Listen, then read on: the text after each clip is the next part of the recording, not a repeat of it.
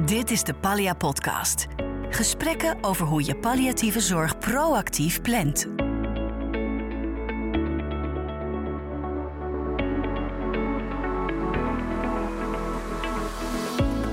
Welkom bij aflevering 5 van de Pallia Podcast, een podcast van PZNL. We praten over proactieve zorgplanning en dat is een belangrijk thema binnen de palliatieve zorg. Het aangaan van gesprekken met een patiënt over het naderend einde van het leven, dat is een lastig en emotioneel beladen onderwerp. Daarvoor praat ik vandaag met Jennifer Baars. Ze is huisarts en al jaren bezig met palliatieve zorg. Ze staat met anderen aan de basis van de opzet van behandelwensen gesprekken. En mijn andere gast is Anne Reiners, internist-oncoloog in het UMC Groningen. Beide welkom. Uh, we hebben afgesproken dat we je en jij tegen elkaar zeggen. Um, Jennifer, ik wil met jou beginnen. Jij bent al jaren bezig met de planning van palliatieve zorg, hè? Ja, nee, ik ben inderdaad begonnen omdat uh, we hebben best een oudere praktijk, een huisartsenpraktijk. En uh, heel veel mensen die, ja, die werden dan gereanimeerd of die werden opgenomen. En dan, uh, of ja, ik denk dat iedereen dat soort mensen wel kent. Weet je, een vrouw van 80 met diabetes, Parkinson en uh, allerlei onderliggend lijden, decompensatie cordus, die dan in een crisis komt, opgenomen wordt op de IC. allerlei toeters en bellen. En uiteindelijk overlijdt ze twee weken later alsnog in het ziekenhuis. Mm -hmm. Of, uh, of iemand die met COPD wordt opgenomen in een crisis en aan de beademing ligt en dan uiteindelijk naar een verpleeghuis gaat en nog maar moet afwachten of die ooit weer naar huis kan, terwijl die dat eigenlijk nooit gewild had. Dus dat vond ik eigenlijk dingen dat je ja, als arts wil je gewoon toch het leven van iemand beter maken. En we hebben ook de eet allemaal afgelegd waarin je eigenlijk zegt van ik wil uh, lijden verlichten en ziekte bestrijden. Dat daar uiterste best voor doet. En ik dacht ja, dat, dat zijn we nu zijn we het alleen maar aan het verlengen. Iemand leeft langer in een hoedanigheid die hij nooit had gewild. En natuurlijk kunnen we daar nooit garanties in geven. Maar ik dacht, ja, als, je, als iemand niet gereanimeerd wil worden, eh, als iemand daar wordt, dan, dan moeten we dat goed vastleggen. En ook niet doen als iemand dat echt niet wil. Anne, jij behandelt patiënten die kanker hebben met chemotherapie en met immunotherapie. Was dat ook de reden waarom je zoveel met palliatieve zorgplanning in aanraking kwam? Of begon dat al eerder? Nou, het is voor een groot deel door mijn opleiding gekomen. Tijdens mijn opleiding werd ik op een dag gebeld door een huisarts over een patiënt die ik behandeld had, maar geen behandeling meer kreeg in het ziekenhuis. En die huisarts vertelde, goh, die patiënt heeft heel veel pijn. Hoe kan ik die pijn nou het beste behandelen? En daar schrok ik een beetje van, want ik dacht, dat is toch de expertise van de huisarts. Dat is toch niet de expertise van de oncoloog. En toen ben ik mij daarin gaan uh, verdiepen. Ik ben eerst tijdens mijn opleiding een paar weken naar het St. Christopher's Hospice uh, in Londen geweest. Een beetje de bakermat van de hospicezorg zoals wij die tegenwoordig kennen. En daaruit voortvloeiend heb ik uiteindelijk een KWF fellowship van twee jaar gekregen om mij uh, te gaan bekwamen in de palliatieve zorg. Hoe ging dat fellowship? Ik heb tijdens dat fellowship een opleiding gevolgd in Cardiff. Daar heb ik het diploma in palliative medicine gedaan en ook een thesis geschreven. En ik ben op diverse plaatsen in de wereld gaan kijken hoe ze palliatieve zorg hadden vormgegeven. En ik ben toen ook nog een extra lange periode in St. Christopher's Hospice en in Cardiff mee gaan lopen in de palliatieve zorg. Dat moet een unieke ervaring zijn geweest. Dat was een fantastische ervaring. Vooral omdat je de gelegenheid kreeg om buiten Nederland te gaan kijken hoe er naar palliatieve zorg wordt gekeken. Vooral omdat Nederland daarin een beetje een alleenstaand model heeft gekozen.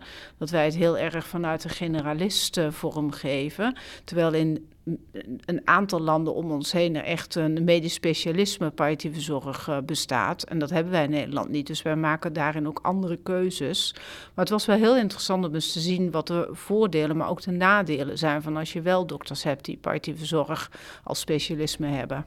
Jennifer, jij bent bezig gegaan met het raamwerk van hoe je de uitkomsten van zo'n gesprek met een patiënt over palliatieve zorg vast kunt leggen. Hoe liep dat in het begin? Um, in 2015 uh, was de Dappere Doktersconferentie en daar is toen een behandelwensgesprek, dat heette toen nog levensverwachtingsgesprek, was uh, toen een van de winnende ideeën geworden. En dat heeft in 2016 ook de LAV-prijs gewonnen, waardoor we geld hadden om ook echt meters te maken. Dus toen is er een projectgroep samengesteld en toen hebben we eigenlijk methodiek ontwikkeld. We hebben cursussen gegeven en ja, zodoende is het balletje eigenlijk gaan rollen.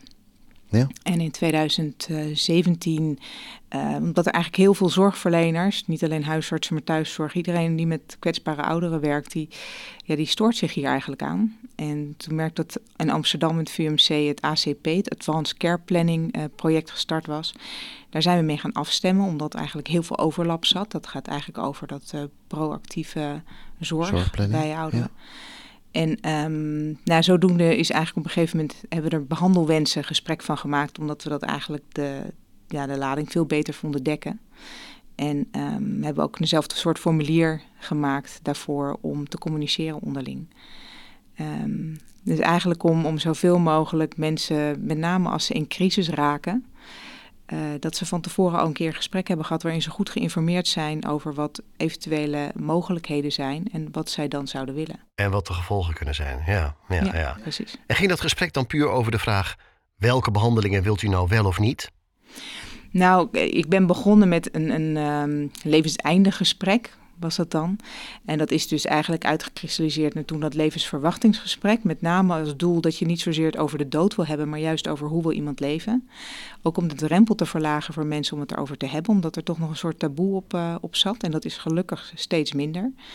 Um, en dat is uiteindelijk, uh, was het aanvankelijk vrij lijvig, waardoor het praktisch niet echt haalbaar was.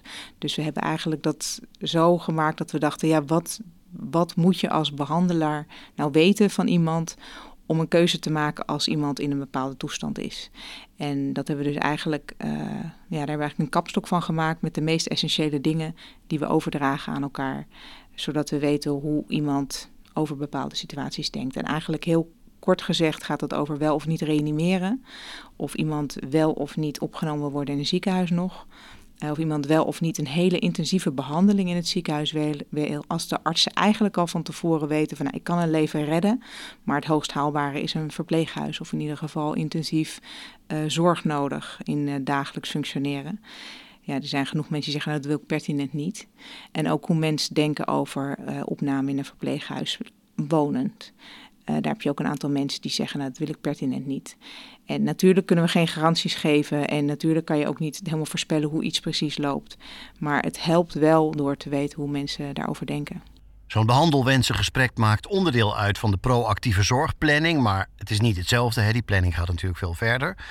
Uh, Anne, voor een oncoloog lijkt me dit wel een heel ander gesprek. Hè? Mensen komen natuurlijk op een heel ander moment bij jou dan bijvoorbeeld bij Jennifer. Maar leg je dan wel dezelfde dingen vast? Dus ook vooral meer dan zeg maar alleen de behandelwensen van een patiënt? Hoe doe jij dat? Nou, volgens mij zei je behandelwensen, maar ik denk dat het nog beter is om te zeggen dat het veel meer gaat dan alleen over behandelgrenzen. Want dat is wat mensen heel vaak denken, dat het alleen maar gaat over zorg die je wel of niet nog kunt krijgen. Terwijl het natuurlijk ook heel erg gaat over wensen en over mensen meenemen in wat in hun ziektebeeld de verwachtingen zijn. Dat kan gaan gebeuren, zodat ze, als ze dat willen, zich erop kunnen voorbereiden en daar al over na kunnen denken en eventueel al keuzes kunnen maken. En ook daarin verschilt het. Sommige mensen willen dat wel graag weten, want die zijn graag voorbereid. En andere mensen willen dat liever nog niet weten en die zien het wel als het hen overkomt. Um, ook daarin moet je denk ik als zorgverlener meelopen met de patiënt en dienstnaasten. Waarbij het soms ingewikkeld is dat naast iets anders willen dan de patiënt. Uh, maar daar moet je je evenwicht in zien te vinden, zodanig dat het voor de patiënt zo goed mogelijk voelt. In een crisissituatie is een verslag van de behandelgrenzen, noem ik het dan maar even vanaf nu, heel belangrijk. Um, maar jullie zien ook wel dat mensen op wat vastgelegd is weer terug kunnen komen. Dus ook van mening kunnen veranderen. Nou, wat je heel vaak ziet is dat er uh, bijvoorbeeld afgesproken is dat de patiënt niet meer naar het ziekenhuis zou komen. En dat er dan iets onverwachts gebeurt waarbij er paniek ontstaat. En zeker als de patiënt dan zelf niet meer aanspreekbaar is, dat er dan toch nog wel vaak uh, de ambulance gebeld wordt en de patiënt alsnog ingestuurd uh, wordt. Dat, gebeurt regelmatig. Maar dat is ook logisch. Als er iets onverwachts gebeurt en er is niet iemand bij die dan kan overwegen wat op dat moment ja, het meest zinvol of het meest wenselijk is in gedachten hebben wat een patiënt en die naast hebben uitgesproken, dan kan ik me dat heel goed voorstellen dat je daar uh, dat je in zo'n situatie een ambulance gaat bellen. Stel dat jij met zo'n situatie te maken krijgt. Wat doe jij dan? Nou, wat je, wat je hoopt is dat voordat de ambulance gebeld wordt, dat misschien de huisarts gebeld wordt of de desbetreffende zorgverlener uh, in het ziekenhuis die die patiënt kent. En dat je dan kunt uh, bespreken of dit wel het meest zinvolle is op dat moment. Uh, maar dat is ideaal. Hè? In paniek wordt er vaak niet goed nagedacht. Er is er geen ruimte om na te kunnen denken. Dus ik denk dat het dan heel goed is om mensen toch op te vangen op de eerste hulp. En dan alsnog te bespreken wat het meest wenselijke scenario is. Jennifer, zijn er momenten waarop je denkt: ik moet die afspraken nu echt gaan herzien? Of, of doe je dat eigenlijk voortdurend? Ja, hoe we de, de methodiek die we eigenlijk hebben, misschien is ook nog maar iets over te zeggen. Um, is eigenlijk, want het kost natuurlijk veel tijd zo'n gesprek. Zeker als je uh, het aanbiedt en het gesprek, meteen gaat voeren. Dus wat we eigenlijk doen is, we hebben een, uh, een letterlijke tekst op een A4'tje waarin kort staat wat zo'n behandelwensgesprek inhoudt. Met allemaal verwijzingen naar uh, dingen die mensen op internet op kunnen zoeken. En degene die ik eigenlijk altijd aanraad is bij thuisarts. Daar heb je bij praten over levenseinde. En daar zitten ongelooflijk veel patiënten informatiebrieven met uitleg in. Daar heb je dan ook eentje, en er staat keuzehulp bij. En die keuzehulp, dat is ongeveer een nou, half uur tot drie kwartier durend programma. Waarin mensen eigenlijk uh, er doorheen lopen, waarin filmpjes zitten, waarin stukjes tekst zitten. En ik raad ze dan altijd aan om dat met een dierbare die dicht bij hun staat samen door te nemen. Uh, dan kunnen ze samen daar gewoon over hebben. Dan hoort die dierbare ook hoe, vader of moeder of, of partner erover denkt. En um, dan kunnen ze dingen noteren die ze dan als voorbereiding meenemen naar het gesprek. En dat helpt, want als je mensen ineens allemaal vragen stelt, dan overval je ze enorm. En um, als ze gewoon even rustig met een dierbare erover hebben kunnen praten en kunnen nadenken, dan, dan kunnen ze daar hun mening in vormen en ook hun vragen vormen. En ja, je maakt ook vaker mee dat mensen het soms bepaalde dingen gewoon nog niet goed weten. En dat is ook prima. Dan ja. noteren we dat gewoon. Het is niet dat je een ja of een nee uh, moet zeggen. Ja, misschien is het goed als we even een voorbeeld geven. Want bijvoorbeeld bij de vraag wel of niet naar de IC. Dat, ja. ja. dat kan voor heel veel mensen verschillende uitkomsten hebben. Misschien is dat goed om dat even toe te lichten. Ja, ja daarom hebben we ook in de werkgroep... zat ook een intensivist, een hele, hele primaire werkgroep. Hoe we, toen we de methodiek startten... zaten ook de specialisten uit het ziekenhuis... en specialist ouderen, huisartsen... en dus ook uh, een intensivist, intensive care arts. En die zei, ja, je moet er niet opschrijven wel of niet IC... want dat wordt heel vaak gezegd... Um, maar dat kan eigenlijk een, een, leek niet goed beoordelen. Je hebt namelijk aandoeningen waarbij mensen bijvoorbeeld een nacht uh, beademd moeten worden. En dat ze dan in een veel betere toestand het ziekenhuis verlaten dan dat je dat niet doet. Dus als je echt zegt geen IC, geeft dat heel veel verwarring. Dus vandaar dat we eigenlijk um, dat veranderd hebben in zou u nog heel veel toeters en bellen en hele intensieve behandelingen willen. Als de kans groot is dat u zelfstandigheid uh, verliest. Ja, daarna. als je daarna, als je uit de IC komt, toch ja, alleen maar bijvoorbeeld naar een verpleeghuis zou kunnen gaan. Precies. Ja, ja. ja. ja. ja. En er zijn ook mensen die daar dan wel voor kiezen natuurlijk. Ja, nou, er is bijna niemand die zegt joepie. Mm -hmm. Maar het zijn, uh, er zijn heel veel mensen die zeggen, ja, uh, nou ja, dan, dan liever niet dood, maar wel door in een verpleeghuis. An, als iemand een keuze maakt voor of tegen een behandeling en jij denkt, dat is geen haalbare kaart wat doe jij dan in zo'n situatie? Maar dat hebben we als oncoloog denk ik heel vaak... dat mensen nog hopen op een behandeling... terwijl hun situatie dat niet meer toelaat. Omdat ze of te slecht zijn... of omdat er geen, geen behandeling meer is. Um, ja, dan is, het, dan is het een irreële wens... waar wij niet aan kunnen voldoen. Dus dat is relatief makkelijk. Veel ingewikkelder is het als uh, mensen geen keus kunnen maken. Maar geen keus maken is eigenlijk ook een keus maken. Want hoe langer je iets voor je uitschuift, hoe, ja, hoe meer op een gegeven ogenblik je in een bepaalde situatie loopt. Dus als mensen besluiten, we hebben mensen die twijfelen of ze wel een behandeling willen voor hun kanker. En als ze dat heel lang niet willen, dan kan het best wel zijn dat ze er ook niet meer aan toekomen, omdat het niet meer kan, omdat hun gezondheid te slecht is om nog uh, zinvol behandeling te kunnen geven. Dus wat ik wel eens afspreek met mensen die twijfelen, om ze te, helpen om dat dilemma te doorbreken, is uh, afspreken dat we een kuur geven, ook de datum en de tijd plannen. En dan zeggen van, goh, nou, we hebben het gepland, maar als het niet goed voelt, dan komt u gewoon niet. En dat gebeurt. Er zijn mensen die op die manier echt dan aanvoelen dat ze dit niet willen. Maar andersom gebeurt ook. Er zijn ook mensen die zeggen ik wil niet. En die komen daar een aantal weken later op terug. Want niets is menselijker dan verandering. En ik denk ook als we het hebben over proactieve zorgplanning, dat zijn momentopnames om mensen aan de hand te nemen om te denken over scenario's en wat ze dan zouden willen. Maar dat wil niet zeggen dat je daar nooit op terug mag komen. Waar blijft nou zo'n dossier? Waar blijft nou het gesproken, het, het, het, geschreven verslag? Hoe hebben we dit geregeld? Is dat al uniform genoeg? Nou, dat is nog helemaal niet uniform geregeld. Wij hebben in, uh, in onze regio het heel lang meegegeven aan de patiënt, zodat het op het nachtkastje naast de patiënt kon liggen. Dat iedere zorgverlener die bij de patiënt kwam, kon zien wat er al afgesproken was, wat er al besproken was. Maar dat is lastig, want als een huisarts dan gebeld wordt, dan kan hij niet op het nachtkastje van de, van de patiënt kijken. Dus het was vooral voor de thuiszorg een heel makkelijk instrument, maar ook voor de patiënt en de naaste zelf. En wat we toen hebben gedaan, is een kopie naar de huisarts sturen, zodat hij hetzelfde informatie had als de patiënt. Maar nogmaals, het is een proces. Dus als er nieuwe gesprekken zijn of vervolggesprekken zijn, ja, dan kan de informatie aangevuld worden. En dan is de vraag welk dossier gaat dan gelden. Dat wat op het nachtkastje ligt of wat uh, bij de huisarts in, uh, op het bureau uh, of in de computer zit. Dus dat zijn echt nog wel dingen waar we met z'n allen afspraken over moeten gaan maken. Maar nogmaals, ik denk dat als er zoiets ligt bij een patiënt, dan wel een huisarts, dat dat een startpunt is voor het moment waarop er weer wat gebeurt. Maar dat het niet een vrijbrief is is om te doen zoals het precies in dat document opgeschreven is. Wie zou allemaal bij zo'n dossier moeten kunnen? Wat mij betreft alle zorgverleners. Uh, en dan is altijd de vraag of dat ook de informele zorgverleners moeten zijn. Maar ik denk dat om iemand goed te kunnen begeleiden, dat de patiënt en dienstnaasten daar ja, ruimhartiger moeten zijn om mensen mee te nemen in hoe zij tegen het ziekteproces en het ziektebeloop kijken.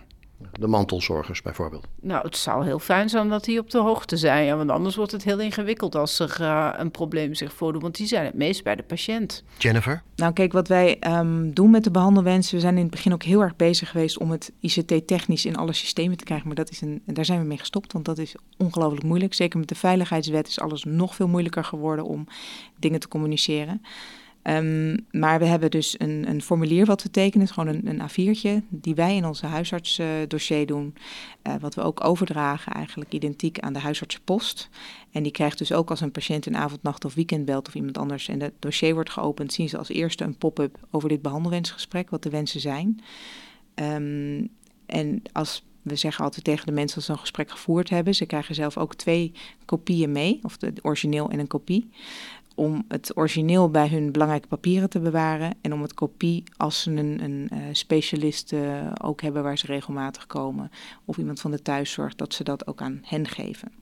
Dus die verantwoordelijkheid leggen we dan wel bij de patiënt en zijn dierbaren om andere zorgverleners die rondom zo'n persoon staan uh, te laten weten van dit behandelwensenformulier hebben we besproken ja, ja, ja, snap ik. Jullie doel is dat dit door heel Nederland heen zo gebruikt gaat worden. Hè?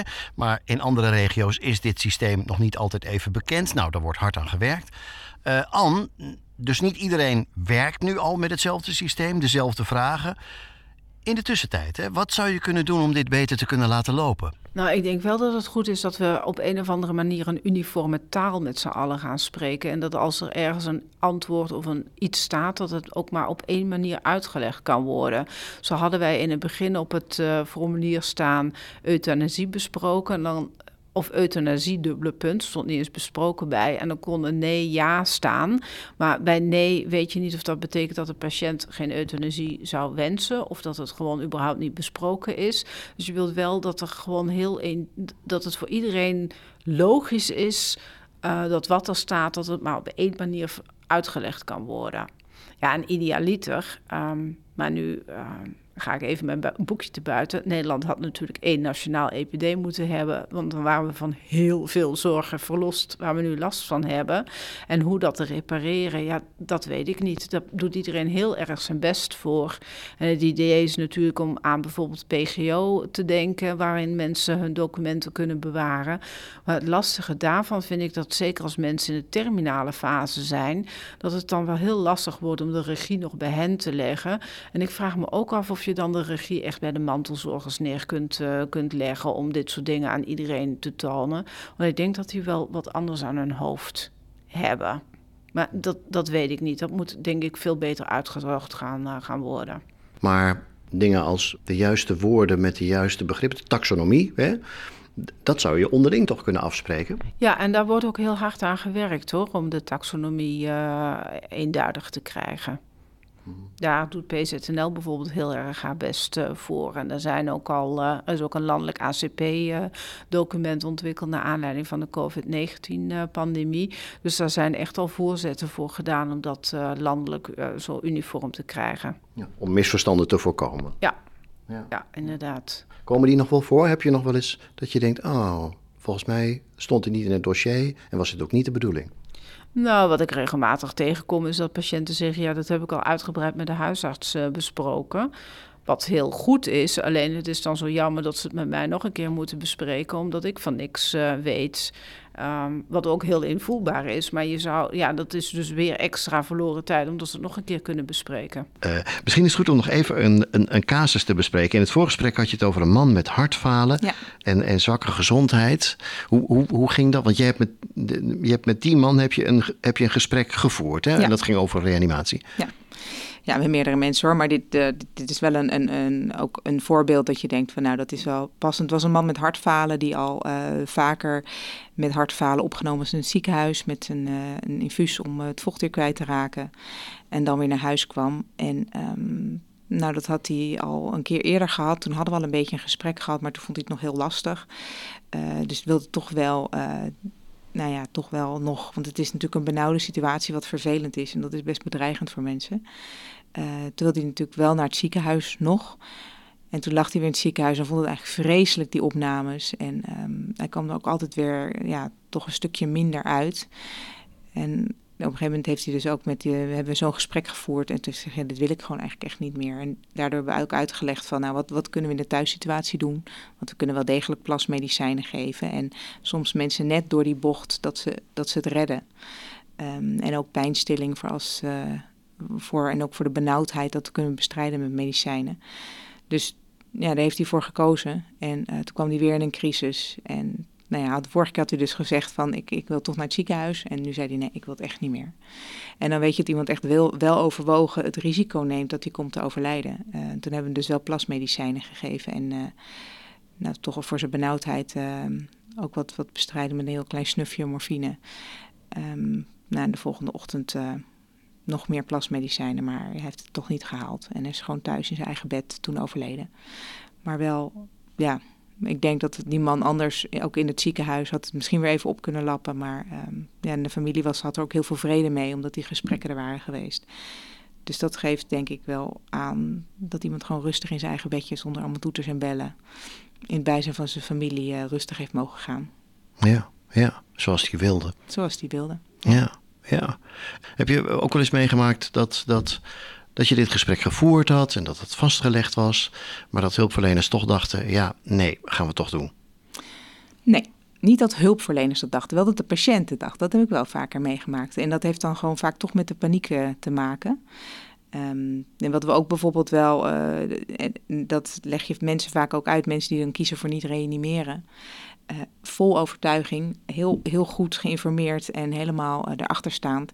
Ja, en um, dan gebeurt er ineens acuut iets. En dan een partner die weet dat, dat, niet, uh, dat die persoon dat niet wil, toch in, in paniek 112 belt. En dat is ook wat we altijd zeggen: van als iemand een niet-reanimeerverklaring, bel niet 112. Bel de huisarts of de huisartspost, want daar staat het genoteerd. En die zullen gewoon een arts sturen, maar niet de ambulance, want de ambulance gaat reanimeren. Ja. En vandaar dat we wel ook altijd een niet-reanimeren verklaring uh, laten opstellen, die wij zelf ook tekenen als arts om extra gewicht in de schaal te leggen. Zodat als mensen 1 en 2 hebben gebeld, dat je toch uh, de ambulance kan laten zien van kijk, dit is echt met de dokter besproken, dit wil deze persoon niet. Uh, dat dat wat meer gewicht in de schaal legt. Maar ik leg ook altijd uit van ja, die ambulanceboerder die kent de situatie niet. Voor hetzelfde geld heb je een, een levensverzekering op je hoofd staan, weet je. Dus die, die zijn geneigd om alles te behandelen. En um, nou ja, dat, kan, dat kan dan in die, in die zin helpen. En dat heeft wel al vaker dus wel geholpen als er dan 112 en dat ze dan toch inderdaad die brief laten zien dat de ambulance ook vaak wel even belt van uh, joh, klopt dat? En uh, dat het dan niet gereanimeerd wordt. Ja, ja. ja. Anne? Wat ik echt heel belangrijk vind, is dat het een proces is. En dat het niet stopt na één uh, gesprek, maar dat het. Uh, en dat mensen erop terug kunnen komen. Dat wat gezegd is niet voor altijd hoeft. Uh, want dat is ook wel wat we horen. Als mensen dan bijvoorbeeld, hè, als wij de afspraak hebben gemaakt, u mag, u, er is niks meer echt te halen in het ziekenhuis.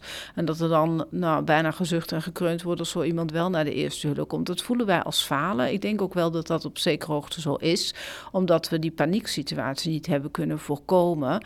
Maar dat zegt iets over ons als zorgverleners. Dat zegt niet iets over de patiënt en dienstnaasten. Waarom dan? Nou, dat zegt, omdat wij niet alles kunnen anticiperen. Dat is een, uh, een wens, maar dat is natuurlijk niet mogelijk. Je kunt niet alles uh, van tevoren bedenken. En uh, het is heel menselijk als er je iets overkomt wat je niet verwacht, om dan in paniek te raken en om hulp te vragen. Jennifer. Ja, wat ik wel nog graag wil zeggen, zeker voor de, voor de huisartsen die uh, luisteren, maar wellicht ook voor de mensen die omheen zijn, um, dat wij uh, een. Oh, sorry. Dat wij eigenlijk dus bezig zijn geweest uh, met die cursussen en met het ACP, het, dat proactieve zorgplanning, um, bij de NAG om te kijken um, of daar een e-learning uh, gedaan kan worden. We hebben um, artsen in Leiden ook opgeleid en die hebben eigenlijk een e-learning gemaakt uh, op basis van deze methodiek. En die e-learning, daar zijn we heel blij mee, want dat heeft even geduurd. Maar nu heeft NAG een e-learning behandelwensgesprek. Um, die elke uh, huisarts dus ook gewoon kan doen. -huh. um, wij hebben al een tijd lang met onze zorgverzekeraar dat daar een vergoeding tegenover staat als je die gesprekken voert. En volgens die methodiek uh, gaat, omdat het, het blijft natuurlijk wel wat uh, tijd kosten. Um, alhoewel ik ook erbij wil zeggen dat het echt meevalt als je mensen goed laat voorbereiden dan dat scheelt je heel veel werk. En ja, we zijn dus bezig om dat landelijk ook een standaard vergoeding te geven. Dus dat zou fijn zijn als mensen dit horen, dat ze even kunnen googlen naar de e-learning van de NAG. Dan ja. krijg je een certificaat, hij is geaccrediteerd. Kost 18 euro geloof ik voor de, voor de NAG. Dank voor jullie medewerking. Dit was de vijfde aflevering van deze serie over proactieve zorgplanning in de palliatieve zorg in opdracht van PZNL. Ik ben Richard Grootbot van Audiodroom Podcast Producties. Als je overige afleveringen niet wilt mislopen, abonneer je dan in de podcast-app op deze serie. Dan komt een volgende aflevering vanzelf in je app. Als je anderen wilt wijzen op deze serie, dan kun je dat doen door een review of een rating achter te laten. Daarmee wordt deze serie beter vindbaar voor anderen. Dank voor het luisteren en tot de volgende aflevering.